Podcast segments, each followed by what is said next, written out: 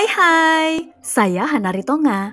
Memanggil kalian dengan sebutan Hana Zens, singkatan dari Hana Netizen. Kalian sekarang berada di podcast Cerita HR, ruang untuk berbagi pengalaman, wawasan, dan pastinya pesan manfaat buat kita semua.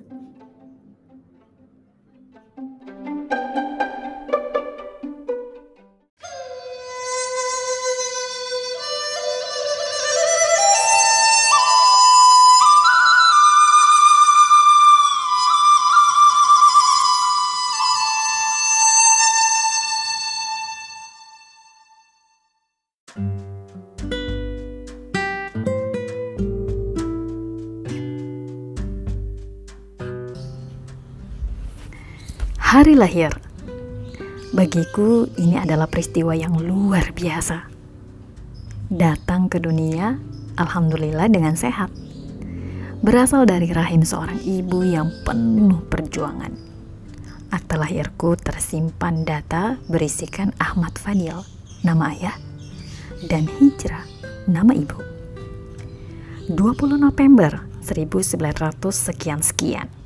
Margaku Ritonga. Aku bukan lahir dari kondisi ekonomi yang berada, sehingga pada hari lahirku tidak ada perayaan atau sesuatu yang spesial seperti syukuran dan sebagainya. Akikah pun dilakukan sendiri setelah mendapat penghasilan dari bekerja dan paham ilmu agama. Ibuku pernah cerita, aku lahir di Medan, tepatnya di Raja Lama, Belawan dibantu seorang bidan bernama Hanum Masta. Beliau adalah uak dari sebelah ibuku atau istri dari abang ibuku, Wak Nizar. Namun ketika membuat akta lahir, tertulis lahir di Jakarta. Ibuku bilang, aku cuma numpang lahir di Medan. Bener juga sih, sampai sekarang aja aku nggak bisa bahasa Medan atau bahasa Batak cuma bisa logatnya aja. Melayu-melayu sangar gitu. Katanya Batak itu kan keras dan sangar. Kata orang-orang sih. Manusia dilahirkan dengan memiliki karakteristik sifat yang berbeda-beda antara manusia yang satu dengan yang lainnya. Sifat yang baik dan sifat yang buruk saling berdampingan satu sama lain. Gak bisa tuh dipisahin, apalagi diceraikan. Udah sepaket, soulmate sifat buruk maupun sifat baik pasti ditemukan pada diri seseorang. Karena setiap individu manusia kan memiliki kelebihan dan kekurangannya masing-masing. Gak ada tuh seorang pun di dunia ini yang memiliki sifat sempurna, yang gak memiliki kesalahan sedikit pun. Kita kan bukan nabi. Setiap dari kita dituntut untuk selalu berbuat baik terhadap sesama. Mau dia tua kek, mau masih muda kek. Semua diharapkan bisa berlaku baik di dalam kehidupan bermasyarakat dan berbangsa. Makanya, pendidikan moral dan akhlak lebih dititik beratkan kepada para generasi muda, sehingga kita mampu beradaptasi dengan generasi di atas maupun generasi di bawahnya dengan akhlak mulia. Saya iseng-iseng mencari arti tanggal lahir di Mbah Google tanggal 20 disandingkan dengan surat Toha surah ke-20 pada Al-Quran. Katanya punya karakter misterius, suka bepergian, memegang teguh aturan, dan suka lari dari masalah. Wow. Saya misterius. Masa iya? Bisa juga sih, karena suka bikin penasaran.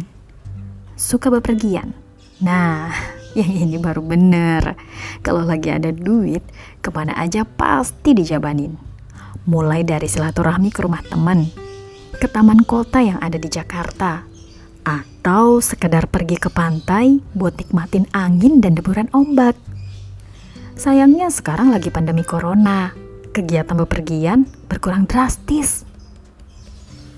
Mbak Google juga bilang memegang teguh aturan. Yaps, yang ini juga sesuai. Saklek kalau kata teman-teman yang pernah kerja bareng sama Ana. Kalau udah A, ya A, jangan berubah jadi B, C, D, apalagi sampai Z. Kecuali ada peristiwa atau sesuatu yang penting.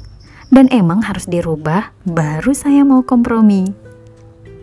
Yang terakhir, suka lari dari masalah. Nah, yang ini perlu diteliti lebih dalam. Soalnya sahabat saya bilang, saya tuh orangnya denial. Menolak masalah gitu. Padahal endingnya sedih-sedih juga. Ini ceritaku. Kalau Hana Zens, gimana cerita hari lahir kalian?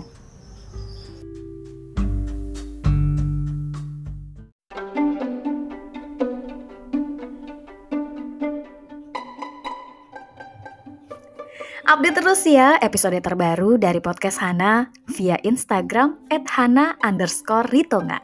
Jangan lupa follow Instagram at thepodcasters.id yang udah ngasih tantangan ke rakyat podcaster Indonesia untuk ikut 30 hari bersuara. Yuk anak muda dan yang berjiwa muda berkarya tanpa batas. Salam senyum manis Hana Ritonga Official.